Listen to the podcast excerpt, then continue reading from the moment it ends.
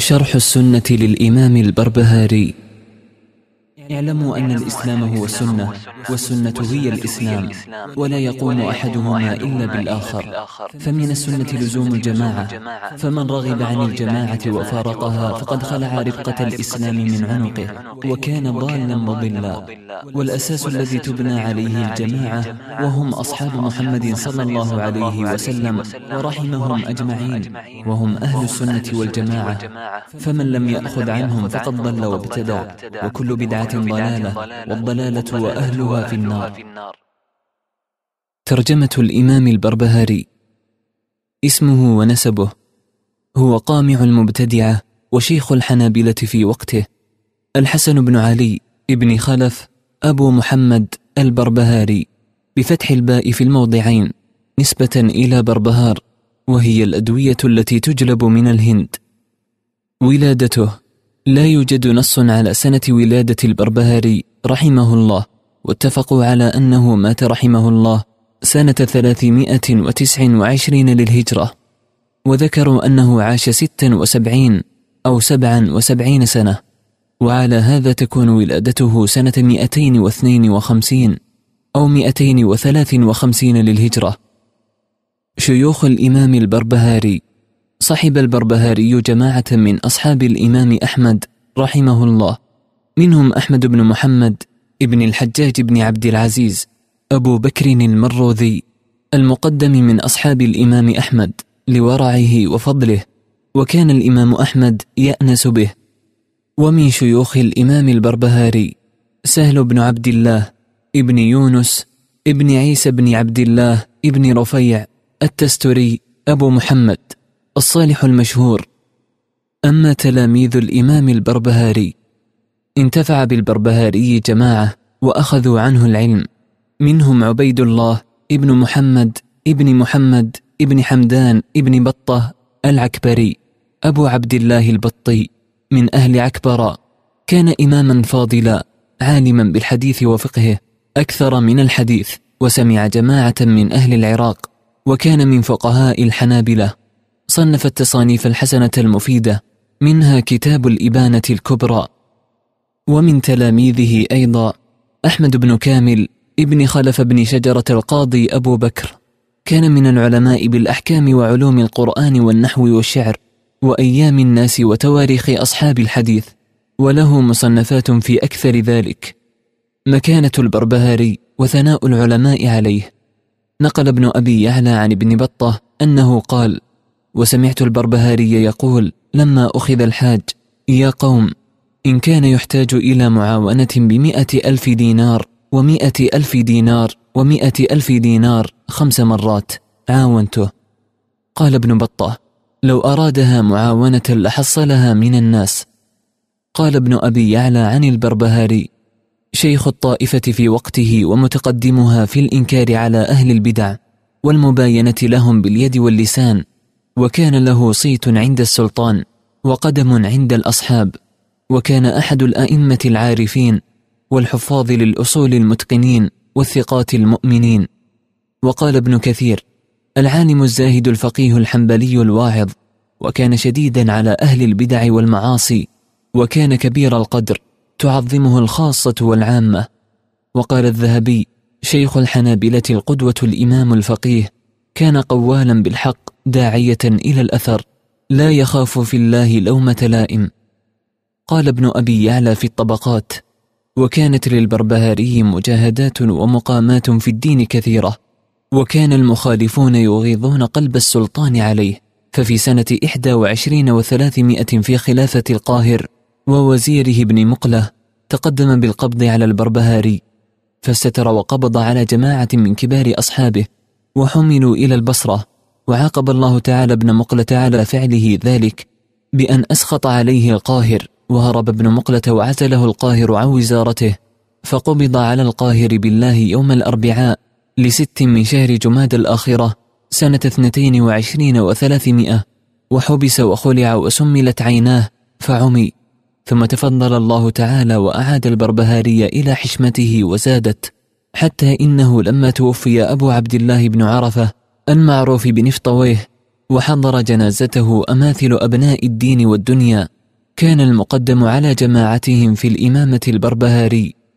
ثم في خلافة الراضي ازدادت حشمة البربهاري وعلت كلمته وظهر أصحابه وانتشروا في الإنكار على المبتدعة ولم تزل المبتدعة ينقلون قلب الراضي على البربهاري.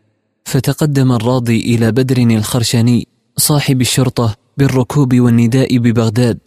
ألا يجتمع من أصحاب البربهاري نفسان فاستتر البربهاري وكان ينزل بالجانب الغربي بباب محول. فانتقل إلى الجانب الشرقي مستترا فتوفي في الاستتار في رجب سنة 329 للهجرة. وذكروا في ترجمته أنه عاش 76 أو 77 سنة. رحمه الله رحمة واسعة. من أقوال البربهاري المجالسة للمناصحة فتح باب الفائدة والمجالسة للمناظرة غلق باب الفائدة. مثل أصحاب البدع مثل العقارب يدفنون رؤوسهم وأبدانهم في التراب ويخرجون أذنابهم فإذا تمكنوا لدغوا.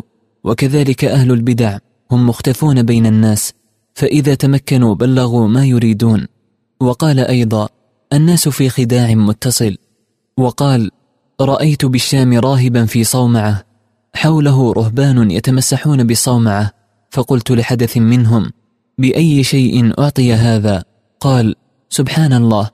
متى رأيت الله يعطي شيئا على شيء؟ قلت هذا يحتاج إلى إيضاح. فقد يعطي الله عبده بلا شيء وقد يعطيه على شيء. لكن الشيء الذي يعطيه الله عبده ثم يثيبه عليه هو منه أيضا. قال تعالى وقالوا الحمد لله الذي هدانا لهذا وما كنا لنهتدي لولا أن هدانا الله. وللبربهاري رحمه الله شعر قليل أورد منه الصفدي في الوافي بالوفيات فقال من قنعت نفسه ببلغتها أضحى غنيا وظل ممتنعا. لله در القنوع من خلق كم من وضيع به قد ارتفعا تضيق نفس الفتى إذا افتقرت ولو عزي بربه اتسعا هذا ما تيسر لنا تسجيله من ترجمة الإمام البربهاري رحمه الله وسنقوم ببث تسجيل كتابه شرح السنة في ست حلقات بتصرف يسير. إن شاء الله. نسأل الله أن يكتب له أجرا. وينفعنا بما نقله من عقيدة أهل السنة والجماعة.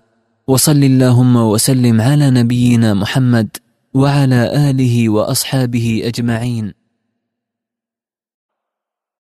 شرح السنة للإمام البربهاري. اعلموا أن الإسلام هو السنة والسنة هي الإسلام. ولا يقوم أحدهما إلا بالآخر. فمن السنة لزوم الجماعة. فمن رغب عن الجماعة وفارقها فقد خلع رفقة الإسلام من عنقه. وكان ضالا مضلا.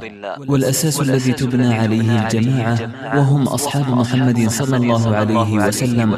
ورحمهم أجمعين. وهم أهل السنة والجماعة. فمن لم يأخذ عنهم فقد ضل وابتدع وكل بدعة ضلالة والضلالة وأهلها في النار. كتاب شرح السنة للإمام البربهاري بتصرف يسير في ست حلقات. قال الإمام البربهاري رحمه الله الحمد لله الذي هدانا للإسلام ومن علينا به وأخرجنا في خير أمة فنسأله التوفيق لما يحب ويرضى والحفظ مما يكره ويسخط. اعلموا أن الإسلام هو السنة والسنة هي الإسلام ولا يقوم أحدهما إلا بالآخر. فمن السنة لزوم الجماعة. فمن رغب عن الجماعة وفارقها فقد خلع ربقة الإسلام من عنقه وكان ضالا مضلا. والأساس الذي تبنى عليه الجماعة وهم أصحاب محمد صلى الله عليه وسلم ورحمهم أجمعين وهم أهل السنة والجماعة.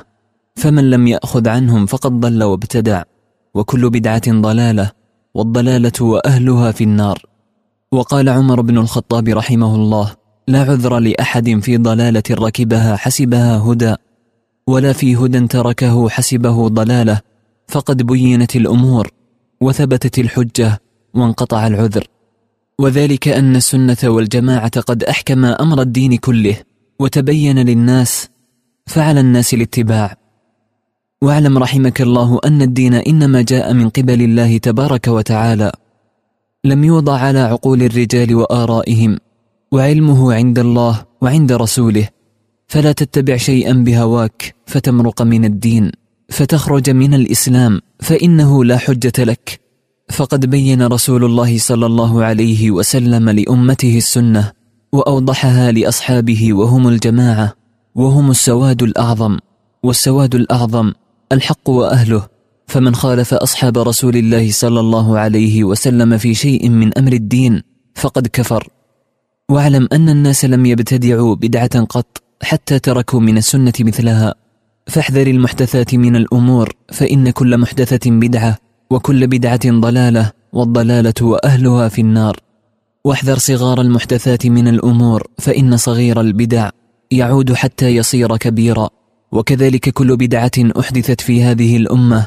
كان أولها صغيرا يشبه الحق فاغتر بذلك من دخل فيها ثم لم يستطع الخروج منها. فعظمت وصارت دينا يدان به فخالف الصراط المستقيم فخرج من الإسلام. فانظر رحمك الله كل من سمعت كلامه من أهل زمانك خاصة فلا تعجلن ولا تدخلن في شيء منه. حتى تسأل وتنظر هل تكلم به أصحاب رسول الله صلى الله عليه وسلم أو أحد من العلماء فإن وجدت فيه أثرا عنهم فتمسك به ولا تجاوزه لشيء ولا تختر عليه شيئا فتسقط في النار. واعلم أن الخروج من الطريق على وجهين أما أحدهما فرجل زل عن الطريق وهو لا يريد إلا الخير فلا يقتدى بزلته فإنه هالك. وآخر عاند الحق وخالف من كان قبله من المتقين فهو ضال مضل شيطان مريد في هذه الأمة. حقيق على من يعرفه أن يحذر الناس منه ويبين للناس قصته. لئلا يقع أحد في بدعته فيهلك. واعلم رحمك الله أنه لا يتم إسلام عبد حتى يكون متبعا مصدقا مسلما. فمن زعم أنه بقي شيء من أمر الإسلام لم يكفوناه أصحاب محمد صلى الله عليه وسلم فقد كذبهم وكفى به فرقة وطعنا عليهم وهو مبتدع ضال مضل محدث في الإسلام ما ليس فيه. واعلم رحمك الله أنه ليس من السنة قياس ولا يضرب لها الأمثال ولا تتبع فيها الأهواء وهو التصديق بآثار رسول الله صلى الله عليه وسلم بلا كيف ولا شرح. لا يقال لم وكيف. والكلام والخصومة والجدال والمراء محدث يقدح الشك في القلب وإن أصاب صاحبه الحق والسنة. واعلم رحمك الله أن الكلام في الرب محدث وهو بدعة وضلالة ولا يتكلم في الرب إلا بما وصف به نفسه في القرآن وما بين رسول الله صلى الله عليه وسلم لأصحابه. وهو جل ثناؤه واحد ليس كمثله شيء وهو السميع البصير. ربنا أول بلا متى وآخر بلا منتهى. يعلم السر وأخفى وعلى عرشه استوى. وعلمه بكل مكان لا يخلو من علمه مكان. ولا يقول في صفات الرب كيف ولما إلا شاك في الله. والقرآن كلام الله وتنزيله ونوره ليس بمخلوق لأن القرآن من الله. وما كان من الله فليس بمخلوق. وهكذا قال مالك بن أنس وأحمد بن حنبل والفقهاء قبلهما وبعدهما والمراء فيه كفر. والإيمان بالرؤية يوم القيامة يرون الله بأبصار رؤوسهم وهو يحاسبهم بلا حجاب ولا ترجمان. والإيمان بالميزان يوم القيامة يوزن فيه الخير والشر له كفتان ولسان. والإيمان بعذاب القبر ومنكر ونكير والإيمان بحوض رسول الله صلى الله عليه وسلم ولكل نبي حوض إلا صالح النبي عليه السلام فإن حوضه ضرع ناقته. والإيمان بشفاعة رسول الله صلى الله عليه وسلم للمذنبين الخاطئين في القيامة وعلى الصراط ويخرجهم من جوف جهنم وما من نبي إلا له شفاعة. وكذلك الصديقون والشهداء والصالحون. ولله بعد ذلك تفضل كثير في من يشاء. والخروج من النار بعدما احترقوا وصاروا فحما. والإيمان بالصراط على جهنم. يأخذ الصراط من شاء الله ويجوز من شاء الله ويسقط في جهنم من شاء الله. ولهم أنوار على قدر إيمانهم. والإيمان بالأنبياء والملائكة. والإيمان بأن الجنة حق والنار حق والجنة والنار مخلوقتان الجنة في السماء السابعة وسقفها العرش والنار تحت الأرض السابعة السفلى وهما مخلوقتان. قد علم الله عدد أهل الجنة ومن يدخلها وعدد أهل النار ومن يدخلها. لا تفنيان أبدا هما مع بقاء الله تبارك وتعالى أبد الآبدين في دهر الداهرين. وآدم كان في الجنة الباقية المخلوقة فأخرج منها بعدما عصى الله. والإيمان بالمسيح الدجال وبنزول عيسى بن مريم ينزل فيقتل الدجال ويتزوج ويصلي خلف القائم من آل محمد صلى الله عليه وسلم ويموت ويدفنه المسلمون. والإيمان بأن الإيمان قول وعمل وعمل وقول ونية وإصابة يزيد وينقص. يزيد ما شاء الله وينقص حتى لا يبقى منه شيء.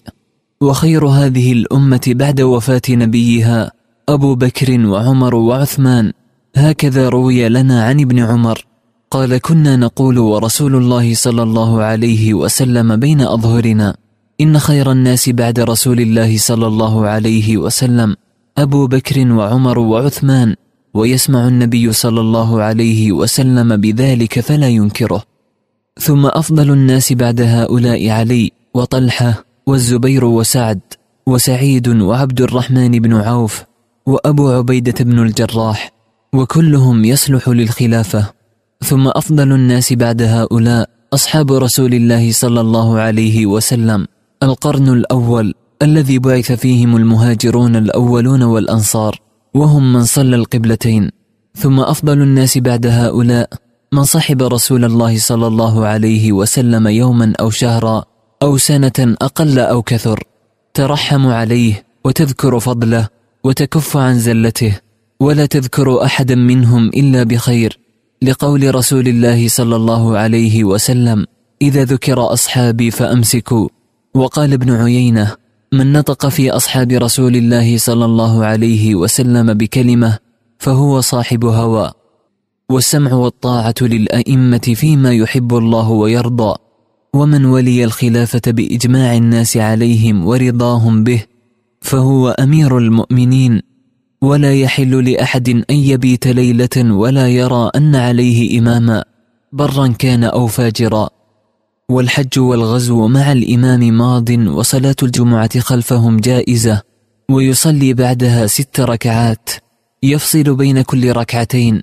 هكذا قال أحمد بن حنبل والخلافة في قريش إلى أن ينزل عيسى بن مريم ومن خرج على إمام من أئمة المسلمين فهو خارجي وقد شق عصا المسلمين وخالف الآثار وميتته ميتة جاهلية ولا يحل قتال السلطان والخروج عليه وإن جاروا وذلك قول النبي صلى الله عليه وسلم لأبي ذر اصبر وإن كان عبدا حبشيا. وقوله للأنصار اصبروا حتى تلقوني على الحوض. هذا ونكمل إن شاء الله في حلقة أخرى قراءة كتاب شرح السنة للإمام البربهاري رحمه الله. شرح السنة للإمام البربهاري. اعلموا أن الإسلام هو السنة والسنة هي الإسلام ولا يقوم أحدهما إلا بالآخر.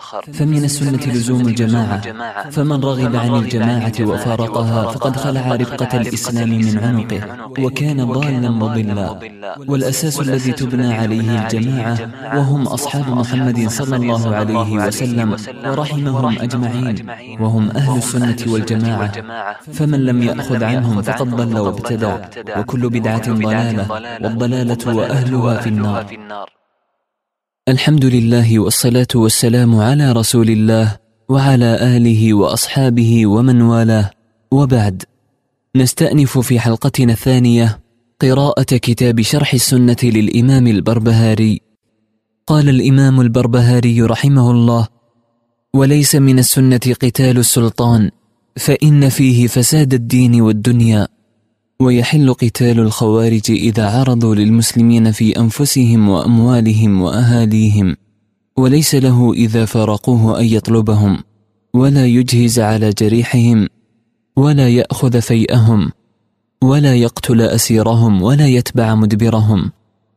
واعلم رحمك الله أنه لا طاعة لبشر في معصية الله عز وجل من كان من أهل الإسلام. ولا يشهد على أحد ولا يشهد له بعمل خير ولا شر فإنك لا تدري بما يختم له. ترجو له وتخاف عليه ولا تدري ما يسبق له عند الموت إلى الله من الندم. وما أحدث الله في ذلك الوقت إذا مات على الإسلام. ترجو له رحمة الله وتخاف عليه ذنوبه. وما من ذنب إلا وللعبد منه توبة.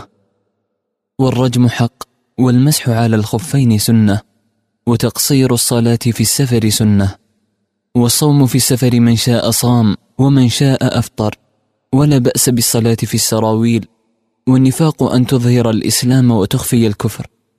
واعلم أن الدنيا دار إيمان وإسلام فأمة محمد صلى الله عليه وسلم فيها مؤمنون مسلمون في أحكامهم ومواريثهم وذبائحهم والصلاة عليهم لا تشهد لأحد بحقيقة الإيمان حتى يأتي بجميع شرائع الإسلام فإن قصر في شيء من ذلك كان ناقص الإيمان حتى يموت. وعلم إيمانه إلى الله تعالى تام الإيمان أو ناقص الإيمان إلا ما ظهر لك من تضييع شرائع الإسلام. والصلاة على من مات من أهل القبلة سنة المرجوم والزاني والزانية والذي يقتل نفسه. وغيرهم من أهل القبلة والسكران وغيره الصلاة عليهم سنة. ولا نخرج أحدا من أهل القبلة من الإسلام حتى يرد آية من كتاب الله أو يرد شيئا من آثار رسول الله صلى الله عليه وسلم أو يذبح لغير الله أو يصلي لغير الله. فإذا فعل شيئا من ذلك فقد وجب عليك أن تخرجه من الإسلام. وإذا لم يفعل من ذلك شيئا فهو مؤمن مسلم بالاسم لا بالحقيقة. وكل ما سمعت من الآثار مما لم يبلغه عقلك. نحو قول رسول الله صلى الله عليه وسلم قلوب العباد بين إصبعين من أصابع الرحمن. وقوله إن الله تبارك وتعالى ينزل إلى سماء الدنيا وينزل يوم عرفة ويوم القيامة. وأن جهنم لا تزال يطرح فيها حتى يضع عليها قدمه جل ثناؤه. وقول الله للعبد إن مشيت إلي هرولت إليك. وقوله إن الله تبارك وتعالى ينزل يوم عرفة. وقوله إن الله خلق آدم على صورته. وقول النبي صلى الله عليه وسلم إني رأيت ربي في أحسن صورة. وأشباه هذه الأحاديث فعليك بالتسليم والتصديق والتفويض والرضا. لا تفسر شيئا من هذه بهواك فإن الإيمان بهذا واجب. فمن فسر شيئا من هذا بهواه أو رده فهو جهمي. ومن زعم أنه يرى ربه في دار الدنيا فهو كافر بالله. والفكرة في الله تبارك وتعالى بدعة. لقول رسول الله صلى الله عليه وسلم تفكروا في الخلق ولا تفكروا في الله. فإن الفكرة في الرب تقدح الشك في القلب.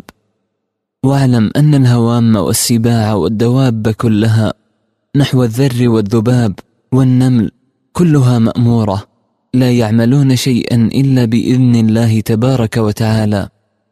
والإيمان بأن الله تبارك وتعالى قد علم ما كان من أول الدهر وما لم يكن مما هو كائن أحصاه الله وعده عدا.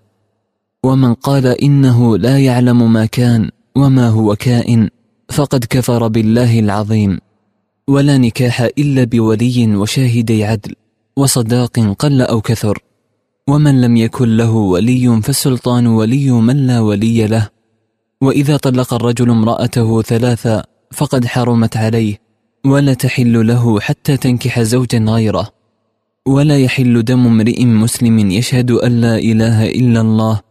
ويشهد أن محمد رسول الله عبده ورسوله إلا بإحدى ثلاث زان بعد إحصان أو مرتد بعد إيمان أو قتل نفسا مؤمنة بغير حق فيقتل به.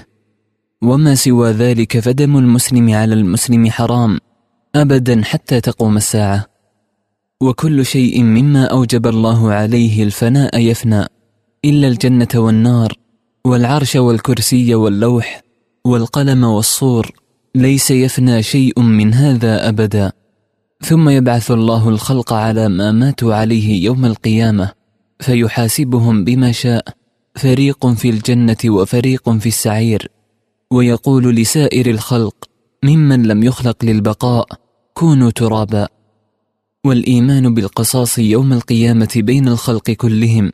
بني آدم والسباع والهوام حتى للذرة من الذرة حتى يأخذ الله لبعضهم من بعض لأهل الجنة من أهل النار وأهل النار من أهل الجنة وأهل الجنة بعضهم من بعض وأهل النار بعضهم من بعض.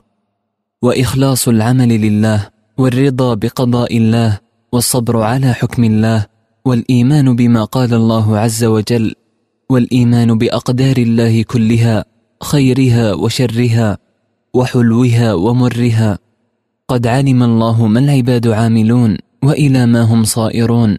لا يخرجون من علم الله ولا يكون في الأراضين ولا في السماوات إلا ما علم الله عز وجل. وتعلم أن ما أصابك لم يكن ليخطئك وما أخطأك لم يكن ليصيبك. ولا خالق مع الله. والتكبير على الجنائز أربع. وهو قول مالك بن أنس وسفيان الثوري والحسن بن صالح وأحمد بن حنبل والفقهاء. وهكذا قال رسول الله صلى الله عليه وسلم والإيمان بأن مع كل قطرة ملكا ينزل من السماء حتى يضعها حيث أمره الله عز وجل. والإيمان بأن النبي صلى الله عليه وسلم حين كلم أهل القليب يوم بدر أن المشركين كانوا يسمعون كلامه والإيمان بأن الرجل إذا مرض يأجره الله على مرضه والشهيد يأجره الله على القتل والإيمان بأن الأطفال إذا أصابهم شيء في دار الدنيا يألمون وذلك أن بكر بن أخت عبد الواحد قال لا يألمون وكذب. واعلم أنه لا يدخل الجنة أحد إلا برحمة الله ولا يعذب الله أحدا إلا بذنوبه بقدر ذنوبه. ولو عذب الله أهل السماوات وأهل الأراضين برهم وفاجرهم عذبهم غير ظالم لهم. لا يجوز أن يقال لله تبارك وتعالى إنه يظلم وإنما يظلم من يأخذ ما ليس له. والله جل ثناؤه له الخلق والأمر الخلق خلقه والدار داره. لا يسأل عما يفعل بخلقه. ولا يقال لم وكيف. لا يدخل أحد بين الله وبين خلقه. وإذا سمعت الرجل يطعن على الآثار ولا يقبلها أو ينكر شيئا من أخبار رسول الله صلى الله عليه وسلم فاتهمه على الإسلام فإنه رجل رديء القول والمذهب. وإنما طعن على رسول الله صلى الله عليه وسلم وأصحابه لأنه إنما عرفنا الله وعرفنا رسول الله صلى الله عليه وسلم وعرفنا القرآن وعرفنا الخير والشر والدنيا والآخرة بالآثار. فإن القرآن إلى السنة أحوج من السنة إلى القرآن.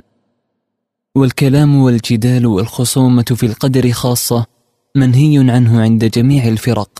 لأن القدر سر الله ونهى الرب تبارك وتعالى الأنبياء عن الكلام في القدر. ونهى رسول الله صلى الله عليه وسلم عن الخصومة في القدر وكرهه العلماء وأهل الورع ونهوا عن الجدل في القدر فعليك بالتسليم والإقرار والإيمان واعتقاد ما قال رسول الله صلى الله عليه وسلم في جملة الأشياء وتسكت عما سوى ذلك. هذا ونكمل إن شاء الله في حلقة أخرى قراءة كتاب شرح السنة للإمام البربهاري. رحمه الله شرح السنة للإمام البربهاري. اعلموا أن الإسلام هو السنة والسنة هي الإسلام. ولا يقوم أحدهما إلا بالآخر. فمن السنة لزوم الجماعة. فمن رغب عن الجماعة وفارقها فقد خلع رفقة الإسلام من عنقه. وكان ضالا مضلا. والأساس الذي تبنى عليه الجماعة وهم أصحاب محمد صلى الله عليه وسلم. ورحمهم أجمعين. وهم أهل السنة والجماعة. فمن لم يأخذ عنهم فقد ضل وابتدع. وكل بدعة ضلالة والضلالة وأهلها في النار. الحمد لله والصلاة والسلام على رسول الله وعلى آله وأصحابه ومن والاه. وبعد نستأنف في حلقتنا الثالثة قراءة كتاب شرح السنة للإمام البربهاري. قال الإمام البربهاري رحمه الله والإيمان بأن رسول الله صلى الله عليه وسلم أسري به إلى السماء وصار إلى العرش وكلمه الله تبارك وتعالى ودخل الجنة واطلع إلى النار ورأى الملائكة ونشرت له الأنبياء ورأى سرادقات العرش والكرسي وجميع ما في السماوات وما في الأراضين في اليقظة حمله جبريل على البراق حتى أداره في السماوات وفرضت له الصلاة في تلك الليلة ورجع إلى مكة في تلك الليلة وذلك قبل الهجرة. واعلم أن أرواح الشهداء في قناديل تحت العرش تسرح في الجنة وأرواح المؤمنين تحت العرش وأرواح الكفار والفجار في برهوت وهي في سجين.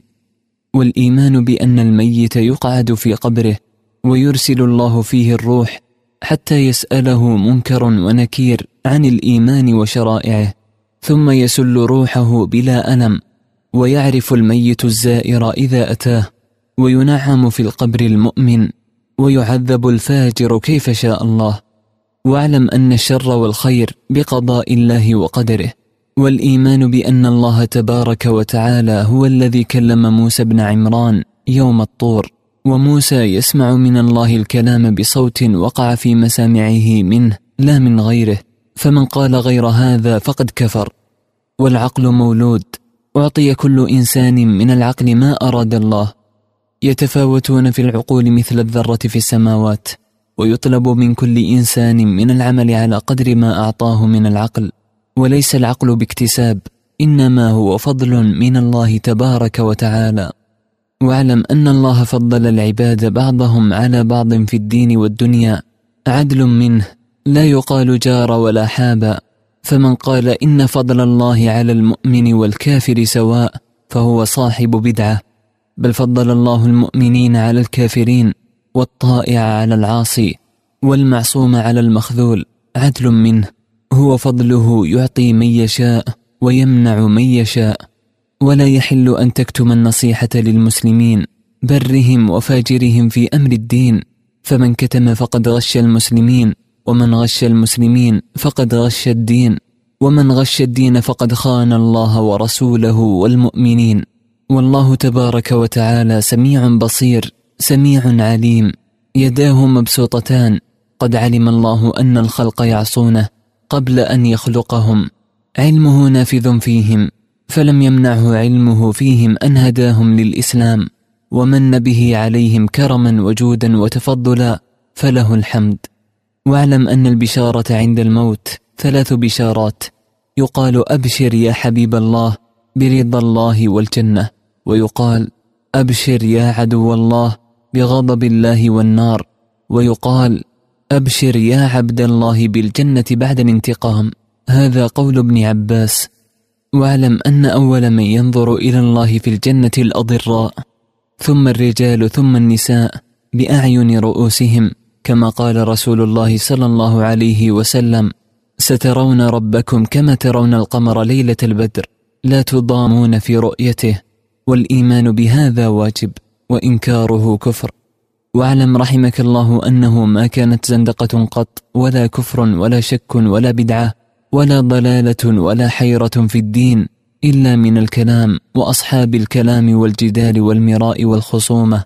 والعجب كيف يجرؤ الرجل على المراء والخصومة والجدال؟ والله تعالى يقول ما يجادل في آيات الله إلا الذين كفروا. فعليك بالتسليم والرضا بالآثار وأهل الآثار والكف والسكوت. والإيمان بأن الله تبارك وتعالى يعذب الخلق في النار في الأغلال والأنكال والسلاسل والنار في أجوافهم وفوقهم وتحتهم. وذلك أن الجهمية منهم هشام الفوطي قال إنما يعذب عند النار ردا على الله وعلى رسوله. واعلم أن الصلاة الفريضة خمس. لا يزاد فيهن ولا ينقص في مواقيتها. وفي السفر ركعتان إلا المغرب. فمن قال أكثر من خمس فقد ابتدع. ومن قال أقل من خمس فقد ابتدع. لا يقبل الله شيئا منها إلا لوقتها. إلا أن يكون نسيان فهو معذور يأتي بها إذا ذكرها. أو يكون مسافرا فيجمع بين الصلاتين إن شاء. والزكاة من الذهب والفضة والثمر والحبوب والدواب على ما قال رسول الله صلى الله عليه وسلم فإن قسمها فجائز وإن أعطاها الإمام فجائز. واعلم أن أول الإسلام شهادة أن لا إله إلا الله وأن محمدا عبده ورسوله وأن ما قال الله كما قال ولا خلف لما قال وهو عندما قال. والإيمان بالشرائع كلها واعلم أن الشراء والبيع ما بيع في أسواق المسلمين حلال ما بيع على حكم الكتاب والإسلام والسنة من غير أن يدخله تغيير أو ظلم أو جور أو خلاف للقرآن أو خلاف للعلم.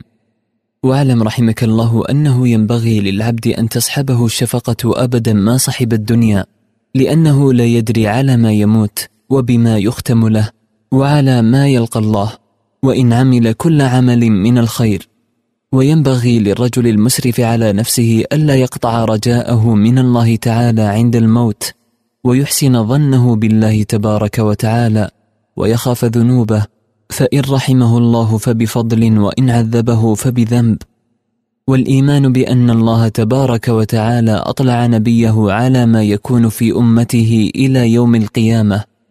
واعلم أن رسول الله صلى الله عليه وسلم قال ستفترق أمتي على ثلاث وسبعين فرقة كلها في النار إلا واحدة وهي الجماعة. قيل يا رسول الله من هم؟ قال ما أنا عليه اليوم وأصحابي. وهكذا كان الدين إلى خلافة عمر. وهكذا كان في زمن عثمان فلما قتل عثمان جاء الاختلاف والبدع. وصار الناس أحزابا وصاروا فرقا. فمن الناس من ثبت على الحق عند أول التغيير وقال به ودعا الناس إليه فكان الأمر مستقيما.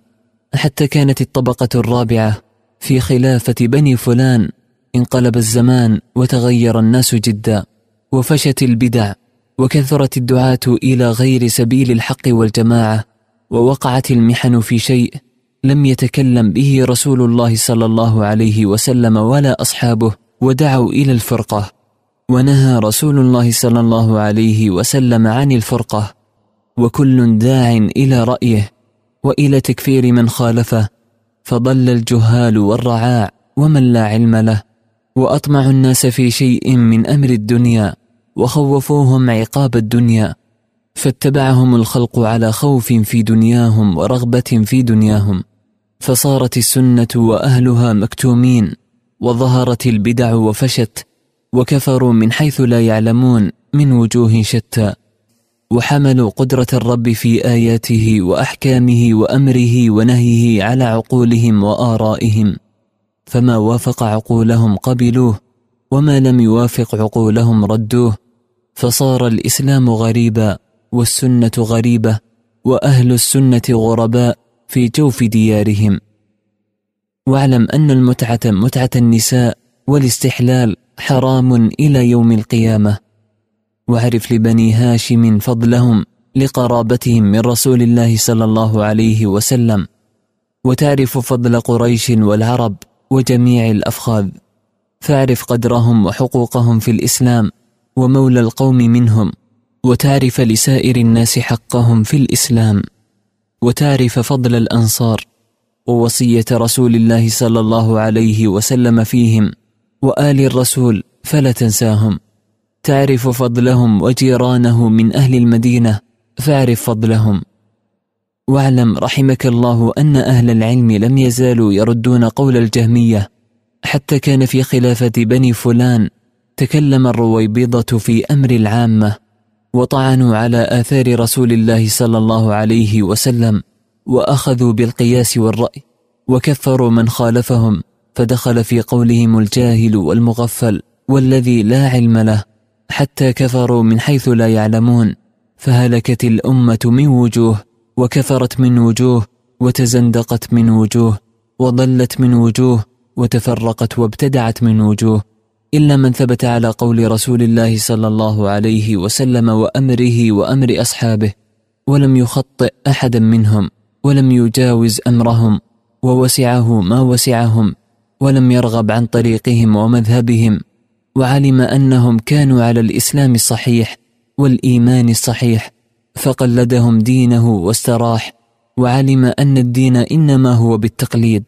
والتقليد لأصحاب محمد صلى الله عليه وسلم. هذا ونكمل إن شاء الله في حلقة أخرى. قراءة كتاب شرح السنة للإمام البربهاري رحمه الله. شرح السنة للإمام البربهاري. اعلموا أن الإسلام هو السنة والسنة هي الإسلام. ولا يقوم أحدهما إلا بالآخر. فمن السنة لزوم الجماعة. فمن رغب عن الجماعة وفارقها فقد خلع رفقة الإسلام من عنقه. وكان ضالا مضلا. والأساس الذي تبنى عليه الجماعة وهم أصحاب محمد صلى الله عليه وسلم. ورحمهم أجمعين. وهم أهل السنة والجماعة. فمن لم يأخذ عنهم فقد ضل وابتدع. وكل بدعة ضلالة والضلالة وأهلها في النار. الحمد لله والصلاة والسلام على رسول الله وعلى آله وأصحابه ومن والاه. وبعد نستأنف في حلقتنا الرابعة قراءة كتاب شرح السنة للإمام البربهاري. قال الإمام البربهاري رحمه الله واعلم أن من قال لفظي بالقرآن مخلوق فهو مبتدع. ومن سكت فلم يقل مخلوق ولا غير مخلوق فهو جهمي. هكذا قال أحمد بن حنبل. وقال رسول الله صلى الله عليه وسلم من يعش منكم بعدي فسيرى اختلافا كثيرا فإياكم ومحدثات الأمور فإنها ضلالة وعليكم بسنتي وسنة الخلفاء الراشدين المهديين وعضوا عليها بالنواجذ. واعلم أنه إنما جاء هلاك الجهمية أنهم فكروا في الرب فأدخلوا لم وكيف وتركوا الأثر ووضعوا القياس وقاسوا الدين على رأيهم فجاءوا بالكفر عيانا لا يخفى أنه كفر. وأكفروا الخلق واضطرهم الأمر حتى قالوا بالتعطيل. وقال بعض العلماء منهم أحمد بن حنبل رضي الله عنه الجهمي كافر ليس من أهل القبلة. حلال الدم لا يرث ولا يورث لأنه قال لا جمعة ولا جماعة ولا عيدين ولا صدقة وقالوا إن من لم يقل القرآن مخلوق فهو كافر واستحلوا السيف على أمة محمد صلى الله عليه وسلم وخالفوا من كان قبلهم وامتحنوا الناس بشيء لم يتكلم فيه رسول الله صلى الله عليه وسلم ولا أحد من أصحابه. وأرادوا تعطيل المساجد والجوامع وأوهنوا الإسلام وعطلوا الجهاد وعملوا في الفرقة وخالفوا الآثار وتكلموا بالمنسوخ واحتجوا بالمتشابه فشككوا الناس في آرائهم وأديانهم واختصموا في ربهم وقالوا ليس عذاب قبر ولا حوض ولا شفاعة والجنة والنار لم يخلقا. وأنكروا كثيرا مما قال رسول الله صلى الله عليه وسلم فاستحل من استحل تكفيرهم ودماءهم من هذا الوجه لأن من رد آية من كتاب الله فقد رد الكتاب كله ومن رد أثرا عن رسول الله صلى الله عليه وسلم فقد رد الأثر كله وهو كافر بالله العظيم. فدامت لهم المدة ووجدوا من السلطان معونة على ذلك. ووضعوا السيف والسوط دون ذلك فدرس علم السنة والجماعة وأوهنوهما وصارتا مكتومين لإظهار البدع والكلام فيها ولكثرتهم واتخذوا المجالس وأظهروا رأيهم ووضعوا فيه الكتب وأطمعوا الناس وطلبوا لهم الرياسة فكانت فتنة عظيمة لم ينج منها إلا من عصم الله. فأدنى ما كان يصيب الرجل في مجالستهم أن يشك في دينه أو يتابعهم أو يزعم أنهم على الحق ولا يدري أنه على الحق أو على الباطل. فصار شاكا فهلك الخلق حتى كان أيام جعفر الذي يقال له المتوكل فأطفأ الله به البدع وأظهر به الحق وأظهر به أهل السنة. وطالت ألسنتهم مع قلتهم وكثرة أهل البدع إلى يومنا هذا والرسم وأعلام الضلالة فقد بقي قوم يعملون بها ويدعون إليها لا مانع يمنعهم ولا أحد يحجزهم عما يقولون ويعملون. واعلم أنه لم تجئ بدعة قط إلا من الهمج الرعاع أتباع كل ناعق يميلون مع كل ريح فمن كان هكذا فلا دين له. قال الله تبارك وتعالى فما اختلفوا إلا من بعد ما جاءهم العلم بغيا بينهم. وقال وما تفرقوا إلا من بعد ما جاءهم العلم بغيا بينهم. وقال وما اختلف فيه إلا الذين أوتوه من بعد ما جاءتهم البينات بغيا بينهم وهم علماء السوء أصحاب الطمع والبدع. واعلم أنه لا يزال الناس في عصابة من أهل الحق والسنة. يهديهم الله ويهدي بهم غيرهم ويحيي بهم السنن. فهم الذين وصفهم الله مع قلتهم عند الاختلاف وقال الذين اوتوه من بعد ما جاءتهم البينات بغيا بينهم فاستثناهم فقال فهدى الله الذين آمنوا لما اختلفوا فيه من الحق بإذنه والله يهدي من يشاء إلى صراط مستقيم. وقال رسول الله صلى الله عليه وسلم لا تزال عصابة من أمتي ظاهرين على الحق لا يضرهم من خذلهم حتى يأتي أمر الله. واعلم رحمك الله أن العلم ليس بكثرة الرواية والكتب. إنما العالم من اتبع العلم والسنن وإن كان قليل العلم والكتب. ومن خالف الكتاب والسنة فهو صاحب بدعة وإن كان كثير العلم والكتب. واعلم رحمك الله أن من قال في دين الله برأيه وقياسه وتأويله من غير حجة من السنة والجماعة فقد قال على الله ما لا يعلم ومن قال على الله ما لا يعلم فهو من المتكلفين والحق ما جاء من عند الله والسنة سنة رسول الله صلى الله عليه وسلم والجماعة ما اجتمع عليه أصحاب رسول الله صلى الله عليه وسلم في خلافة أبي بكر وعمر وعثمان.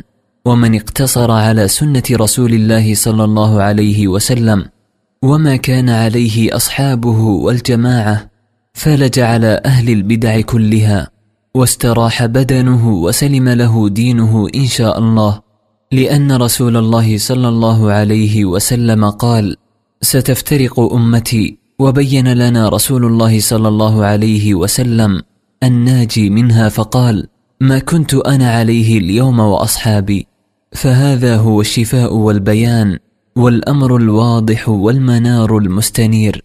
وقال رسول الله صلى الله عليه وسلم إياكم والتعمق وإياكم والتنطع وعليكم بدينكم العتيق.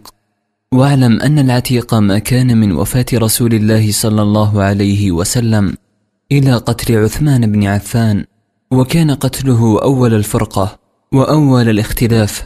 فتحاربت الأمة وتفرقت واتبعت الطمع والأهواء والميل إلى الدنيا فليس لأحد رخصة في شيء أحدثه مما لم يكن عليه أصحاب محمد رسول الله صلى الله عليه وسلم أو يكون رجل يدعو إلى شيء أحدثه من قبله أو من قبل رجل من أهل البدع فهو كمن أحدثه فمن زعم ذلك أو قال به فقد رد السنة وخالف الحق والجماعة وأباح البدع وهو أضر على هذه الأمة من إبليس. ومن عرف ما ترك أصحاب البدع من السنة وما فارقوا فيه فتمسك به فهو صاحب سنة وصاحب جماعة. وحقيق أن يتبع وأن يعان وأن يحفظ وهو ممن أوصى به رسول الله صلى الله عليه وسلم. واعلموا رحمكم الله أن أصول البدع أربعة أبواب. إن شعب من هذه الأربعة اثنان وسبعون هوى ثم يصير كل واحد من البدع. يتشعب حتى تصير كلها إلى ألفين وثمانمائة مقالة وكلها ضلالة وكلها في النار إلا واحدة. وهو من آمن بما في هذا الكتاب واعتقده من غير ريبة في قلبه ولا شكوك فهو صاحب سنة. وهو الناجي إن شاء الله. واعلم رحمك الله لو أن الناس وقفوا عند محدثات الأمور ولم يتجاوزوها بشيء ولم يولدوا كلاما مما لم يجئ فيه أثر عن رسول الله صلى الله عليه وسلم ولا عن أصحابه لم تكن بدعة.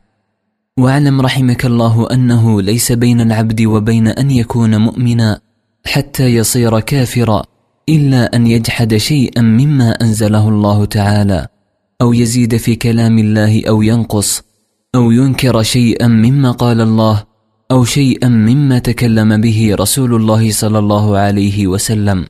فاتق الله رحمك الله وانظر لنفسك وإياك والغلو في الدين فإنه ليس من طريق الحق في شيء. هذا ونكمل إن شاء الله في حلقة أخرى. قراءة كتاب شرح السنة للإمام البربهاري رحمه الله. شرح السنة للإمام البربهاري اعلموا أن الإسلام هو السنة والسنة هي الإسلام. ولا يقوم أحدهما إلا بالآخر. فمن السنة لزوم الجماعة. فمن رغب عن الجماعة وفارقها فقد خلع رفقة الإسلام من عنقه. وكان ضالا مضلا.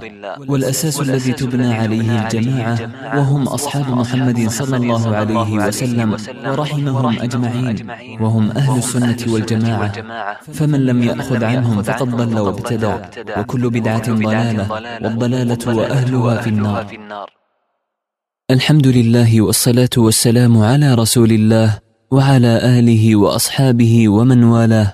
وبعد نستأنف في حلقتنا الخامسة قراءة كتاب شرح السنة للإمام البربهاري.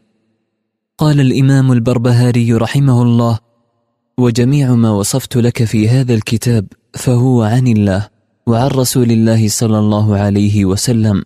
وعن أصحابه وعن التابعين والقرن الثالث إلى القرن الرابع.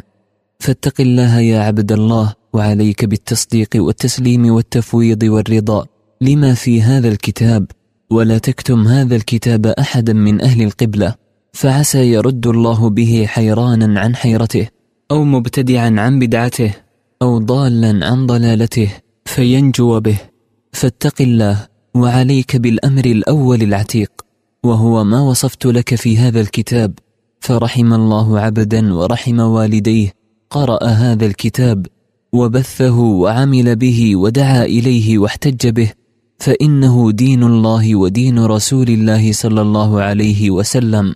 فإنه من انتحل شيئا خلاف ما في هذا الكتاب فإنه ليس يدين لله بدين وقد رده كله. كما لو أن عبدا آمن بجميع ما قال الله تبارك وتعالى إلا أنه شك في حرف فقد رد جميع ما قال الله تعالى وهو كافر. كما أن شهادة أن لا إله إلا الله لا تقبل من صاحبها إلا بصدق النية وخالص اليقين كذلك لا يقبل الله شيئا من السنة في ترك بعض. ومن ترك من السنة شيئا فقد ترك السنة كلها فعليك بالقبول. ودع عنك المحك واللجاجة فإنه ليس من دين الله في شيء وزمانك خاصة زمان سوء فاتق الله وإذا وقعت الفتنة فالزم جوف بيتك وفر من جوار الفتنة وإياك والعصبية وكل ما كان من قتال بين المسلمين على الدنيا فهو فتنة فاتق الله وحده لا شريك له ولا تخرج فيها ولا تقاتل فيها ولا تهوى ولا تشايع ولا تمايل ولا تحب شيئا من أمورهم فإنه يقال من أحب فعال قوم خيرا كان أو شرا كان كمن عمله وفقنا الله وإياكم لمرضاته وجنبنا وإياكم معصيته وأقل النظر في النجوم إلا ما تستعين به على مواقيت الصلاة والها عما سوى ذلك فإنه يدعو إلى الزندقة. وإياك والنظر في الكلام والجلوس إلى أصحاب الكلام وعليك بالآثار وأهل الآثار وإياهم فاسأل ومعهم فاجلس ومنهم فاقتبس.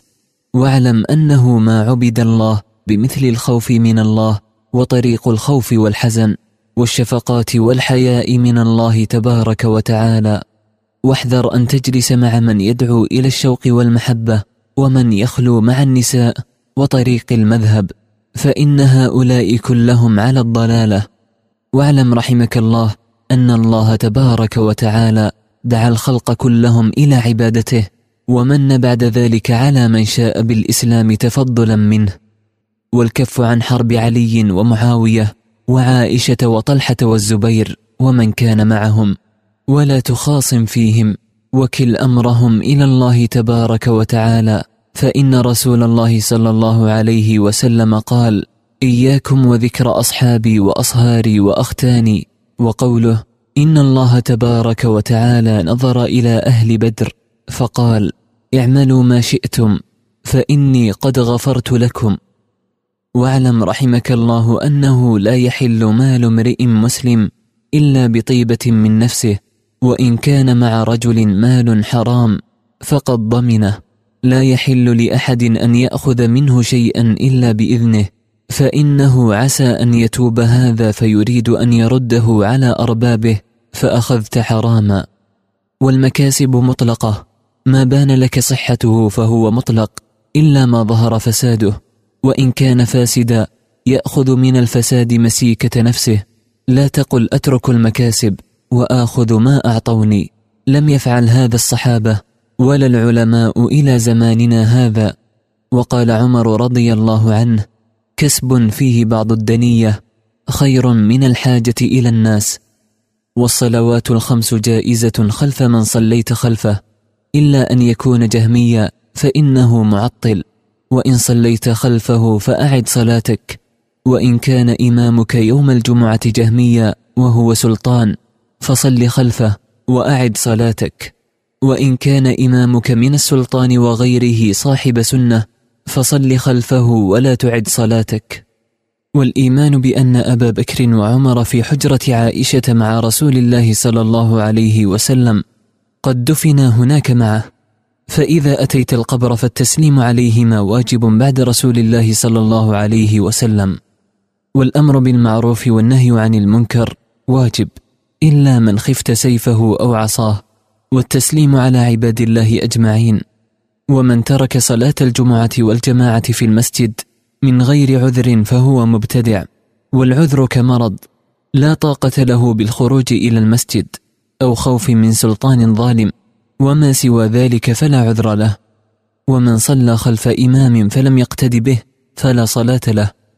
والأمر بالمعروف والنهي عن المنكر باليد واللسان والقلب بلا سيف. والمستور من المسلمين من لم تظهر له ريبة. وكل علم ادعاه العباد من علم الباطن لم يوجد في الكتاب والسنة فهو بدعة وضلالة. ولا ينبغي لأحد أن يعمل به ولا يدعو إليه. وأيما امرأة وهبت نفسها لرجل فإنها لا تحل له. يعاقبان إن نال منها شيئا إلا بولي وشاهدي عدل وصداق. وإذا رأيت الرجل يطعن على أحد من أصحاب رسول الله صلى الله عليه وسلم فاعلم أنه صاحب قول سوء وهوى لقول رسول الله صلى الله عليه وسلم إذا ذكر أصحابي فأمسكوا قد علم النبي صلى الله عليه وسلم ما يكون منهم من الزلل بعد موته فلم يقل فيهم إلا خيرا. وقوله ذروا أصحابي لا تقول فيهم إلا خيرا. ولا تحدث بشيء من زللهم ولا حربهم ولا ما غاب عنك علمه ولا تسمعه من أحد يحدث به فإنه لا يسلم لك قلبك إن سمعت. وإذا سمعت الرجل يطعن على الآثار أو يرد الآثار أو يريد غير الآثار فاتهمه على الإسلام ولا تشك أنه صاحب هوى مبتدع. واعلم أن جور السلطان لا ينقص فريضة من فرائض الله عز وجل. التي افترضها على لسان نبيه صلى الله عليه وسلم جوره على نفسه وتطوعك وبرك معه تام لك إن شاء الله. يعني الجماعة والجمعة معهم والجهاد معهم وكل شيء من الطاعات فشارك فيه فلك نيتك.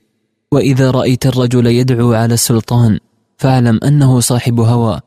وإذا رأيت الرجل يدعو للسلطان بالصلاح فاعلم أنه صاحب سنة إن شاء الله. لقول فضيل لو كان لي دعوة ما جعلتها إلا في السلطان. حدثنا أحمد بن كامل. قال حدثنا الحسين بن محمد الطبري. حدثنا مردويه الصائغ. قال سمعت فضيلا يقول لو أن لي دعوة مستجابة ما جعلتها إلا في السلطان. قيل له يا أبا علي فسر لنا هذا.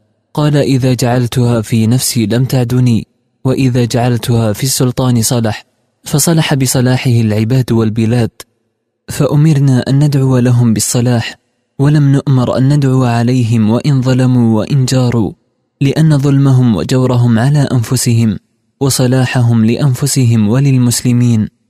ولا تذكر أحدا من أمهات المؤمنين إلا بخير. وإذا رأيت الرجل يتعاهد الفرائض في جماعة مع السلطان وغيره فاعلم أنه صاحب سنة إن شاء الله. وإذا رأيت الرجل يتهاون بالفرائض في جماعة وإن كان مع السلطان فاعلم أنه صاحب هوى. والحلال ما شهدت عليه وحلفت عليه أنه حلال وكذلك الحرام. وما حاك في صدرك فهو شبهة. والمستور من بان ستره والمهتوك من بان هتكه. وإن سمعت الرجل يقول فلان مشبه وفلان يتكلم في التشبيه فاتهمه واعلم أنه جهمي. وإذا سمعت الرجل يقول فلان ناصبي فاعلم أنه رافضي. أو يقول فلان مجبر أو يتكلم بالإجبار أو يتكلم بالعدل فاعلم أنه قدري لأن هذه الأسماء محدثة أحدثها أهل الأهواء. قال عبد الله بن المبارك لا تأخذوا عن أهل الكوفة في الرفض شيئا ولا عن أهل الشام في السيف شيئا ولا عن أهل البصرة في القدر شيئا ولا عن أهل خراسان في الإرجاء شيئا ولا عن أهل مكة في الصرف ولا عن أهل المدينة في الغناء. لا تأخذ عنهم في هذه الأشياء شيئا. هذا ونكمل إن شاء الله في حلقة أخرى. قراءة كتاب شرح السنة للإمام البربهاري رحمه الله. شرح السنة للإمام البربهاري. اعلموا أن الإسلام هو السنة والسنة هي الإسلام ولا يقوم أحدهما إلا بالآخر. فمن السنة لزوم الجماعة. فمن رغب عن الجماعة وفارقها فقد خلع رفقة الإسلام من عنقه. وكان ضالا مضلا. والأساس الذي تبنى عليه الجماعة وهم أصحاب محمد صلى الله عليه وسلم. ورحمهم أجمعين. وهم أهل السنة والجماعة. فمن لم يأخذ عنهم فقد ضل وابتدع. وكل بدعة ضلالة والضلالة وأهلها في النار. الحمد لله والصلاة والسلام على رسول الله وعلى آله وأصحابه ومن والاه. وبعد نستأنف في حلقتنا السادسة قراءة كتاب شرح السنة للإمام البربهاري. قال الإمام البربهاري رحمه الله وإذا رأيت الرجل يحب أبا هريرة وأنس بن مالك وأسيد بن حضير فاعلم أنه صاحب سنة إن شاء الله وإذا رأيت الرجل يحب أيوب وابن عون ويونس بن عبيد وعبد الله بن إدريس الأودي والشعبي ومالك بن مغول ويزيد بن زريع ومعاذ بن معاذ ووهب بن جرير وحماد بن سلمة وحماد بن زيد ومالك بن أنس والأوزاعي وزائدة بن قدامة. فاعلم أنه صاحب سنة. وإذا رأيت الرجل يحب الحجاج بن المنهال وأحمد بن حنبل وأحمد بن نصر فاعلم أنه صاحب سنة إن شاء الله إذا ذكرهم بخير وقال بقولهم. وإذا رأيت الرجل جالس مع رجل من أهل الأهواء فحذره وعرفه فإن جلس معه بعدما علم فاتقه فإنه صاحب هوى. وإذا سمعت الرجل تأتيه بالأثر فلا يريده ويريد القرآن. فلا تشك أنه رجل قد احتوى على الزندقة فقم من عنده ودعه. واعلم أن الأهواء كلها ردية تدعو كلها إلى السيف وأرداها وأكثرها الروافض والمعتزلة والجهمية فإنهم يريدون الناس على التعطيل والزندقة. واعلم أنه من تناول أحدا من أصحاب محمد صلى الله عليه وسلم. فاعلم أنه إنما أراد محمدا صلى الله عليه وسلم وقد آذاه في قبره وإذا ظهر لك من إنسان شيء من البدع فاحذره فإن الذي أخفى عنك أكثر مما أظهر. وإذا رأيت الرجل من أهل السنة رديء الطريق والمذهب فاسقا فاجرا صاحب معاص ضالا وهو على السنة فاصحبه واجلس معه فإنه ليس تضرك معصيته. وإذا رأيت الرجل مجتهدا وإن بدا متقشفا محترقا بالعبادة صاحب هوى فلا تجالسه ولا تقعد معه ولا تسمع كلامه ولا تمشي معه في طريق فإني لا آمن أن تستحلي طريقته فتهلك معه ورأى يونس بن عبيد ابنه وقد خرج من عند صاحب هوى فقال يا بني من أين جئت؟ قال من عند فلان قال يا بني لأن أراك تخرج من بيت خنثى. أحب إلي من أن أراك تخرج من بيت فلان. ولأن تلقى الله يا بني. زانيا سارقا فاسقا خائنا. أحب إلي من أن تلقاه بقول فلان وفلان. ألا ترى أن يونس بن عبيد علم أن الخنثى لا يضل ابنه عن دينه وأن صاحب البدعة يضله حتى يكفره. واحذر ثم احذر أهل زمانك خاصة. وانظر من تجالس وممن تسمع ومن تصحب فإن الخلق كأنهم في ردة إلا من عصمه الله منهم. وانظر إذا سمعت الرجل يذكر ابن أبي دؤاد وبشرا المريسي وثمامة أو أبا الهذيل أو هشاما الفوطي أو أحدا من أتباعهم وأشياعهم فاحذره فإنه صاحب بدعة فإن هؤلاء كانوا على الردة. واترك هذا الرجل الذي ذكرهم بخير. ومن ذكر منهم بمنزلتهم. والمحنة في الإسلام بدعة وأما اليوم فيمتحن بالسنة لقوله إن هذا العلم دين فانظروا عمن تأخذون دينكم. ولا تقبلوا الحديث إلا ممن تقبلون شهادته. فتنظر فإن كان صاحب سنة له معرفة صدوق كتبت عنه وإلا تركته. وإذا أردت الاستقامة على الحق وطريق أهل السنة قبلك فاحذر الكلام وأصحاب الكلام والجدال والمراء والمناظرة في الدين فإن استماعك منهم وإن لم تقبل منهم يقدح الشك في القلب وكفى به قبولا فتهلك.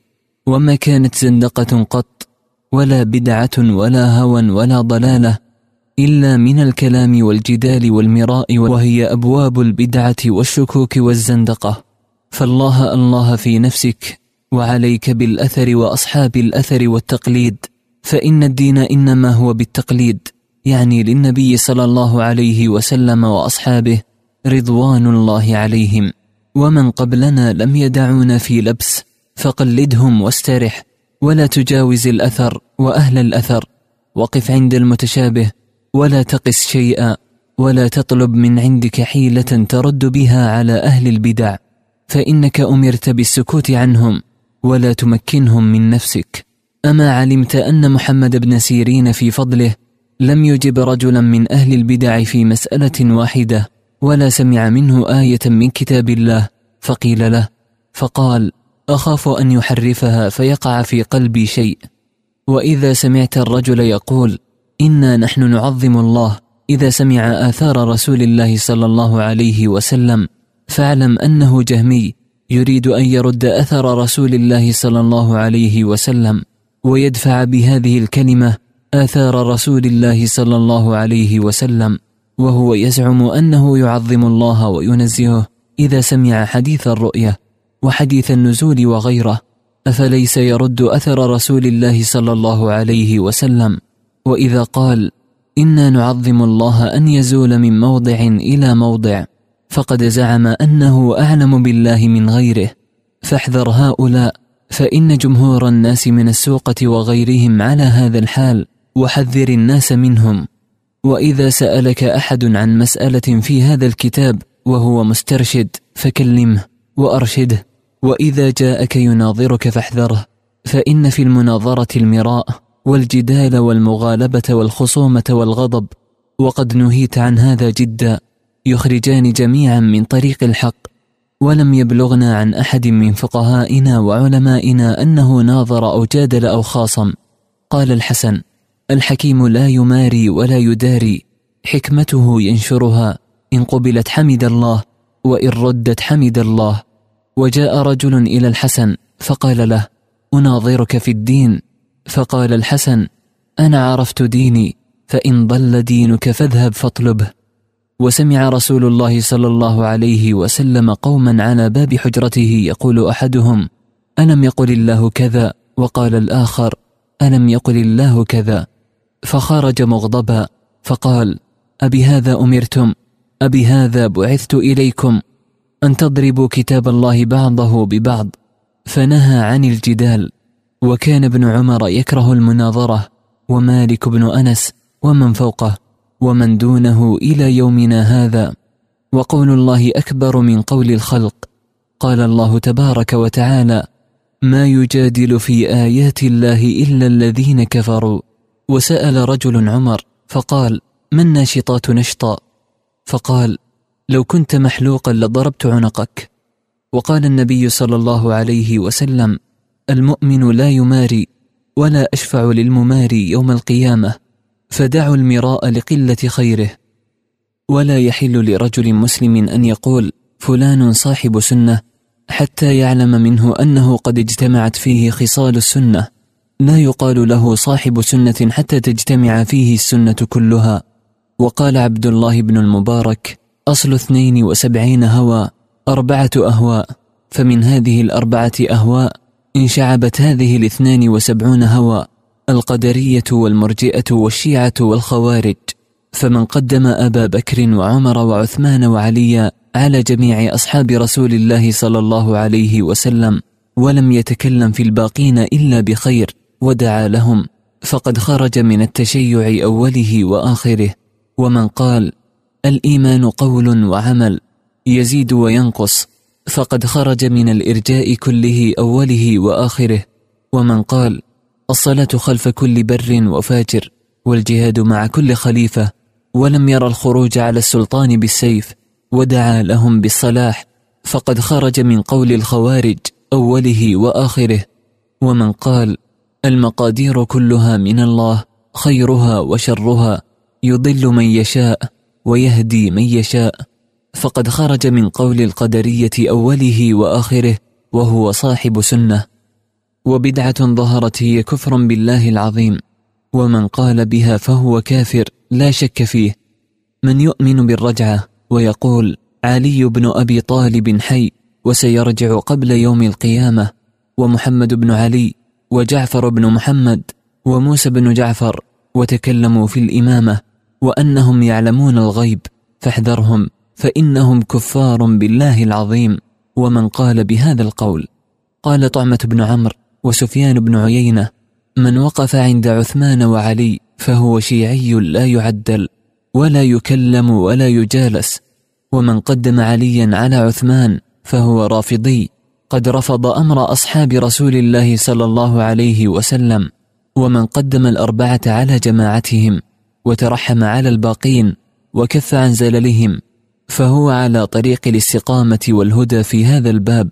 والسنة أن تشهد أن العشرة الذين شهد لهم رسول الله صلى الله عليه وسلم بالجنة أنهم في الجنة لا شك ولا تفرد بالصلاة على أحد إلا لرسول الله صلى الله عليه وسلم وعلى آله فقط.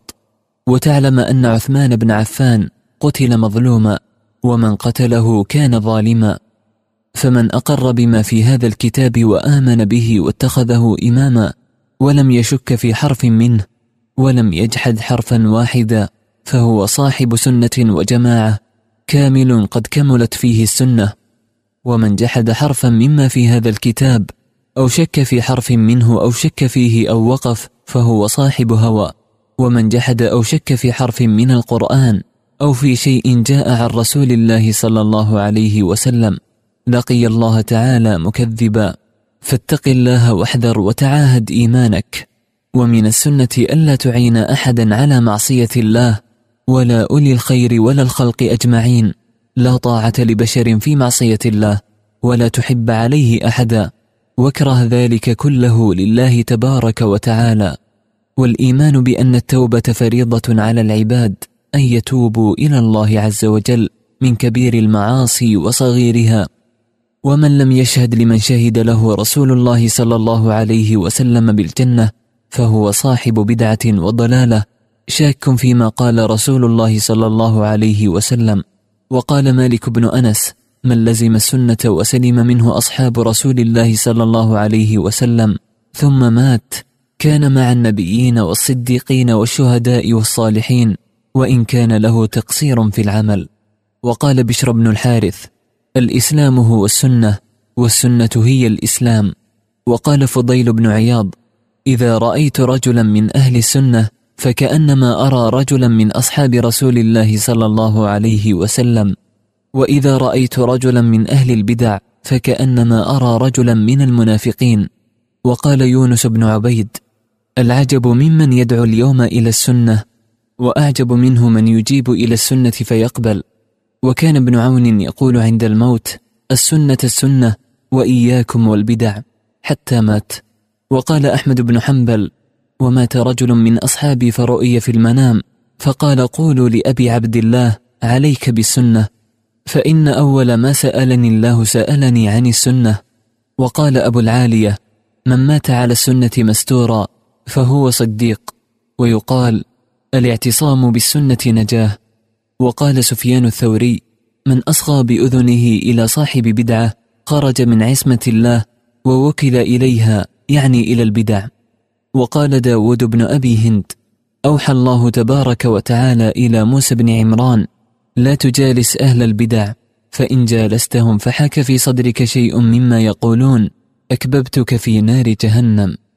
وقال الفضيل بن عياض من جالس صاحب بدعة لم يعط الحكمة. وقال الفضيل بن عياض لا تجلس مع صاحب بدعة فإني أخاف أن تنزل عليك اللعنة. وقال الفضيل بن عياض من أحب صاحب بدعة أحبط الله عمله وأخرج نور الإسلام من قلبه. وقال الفضيل بن عياض من جلس مع صاحب بدعة ورثه العمى. وقال الفضيل بن عياض إذا رأيت صاحب بدعة في طريق فجز في طريق غيره. وقال الفضيل بن عياض من عظم صاحب بدعة فقد أعان على هدم الإسلام. ومن تبسم في وجه مبتدع فقد استخف بما أنزل الله عز وجل على محمد صلى الله عليه وسلم. ومن زوج كريمته من مبتدع فقد قطع رحمها. ومن تبع جنازة مبتدع لم يزل في سخط الله حتى يرجع. وقال الفضيل بن عياض آكل مع يهودي ونصراني ولا آكل مع مبتدع. وأحب أن يكون بيني وبين صاحب بدعة حصن من حديد. وقال الفضيل بن عياض إذا علم الله من الرجل أنه مبغض لصاحب بدعة غفر له وإن قل علمه. ولا يكن صاحب سنة يمالئ صاحب بدعة إلا نفاقا. ومن أعرض بوجهه عن صاحب بدعة ملأ الله قلبه إيمانا. ومن انتهز صاحب بدعة آمنه الله يوم الفزع الأكبر. ومن أهان صاحب بدعة رفعه الله في الجنة مئة درجة. فلا تكن تحب صاحب بدعة في الله أبدا. إلى هنا نكون قد انتهينا من قراءة كتاب شرح السنة للإمام البربهاري بتصرف يسير. رحمه الله. نسأل الله أن يكتب له أجرا وينفعنا بما نقله من عقيدة أهل السنة والجماعة. وصل اللهم وسلم على نبينا محمد وعلى آله وأصحابه أجمعين.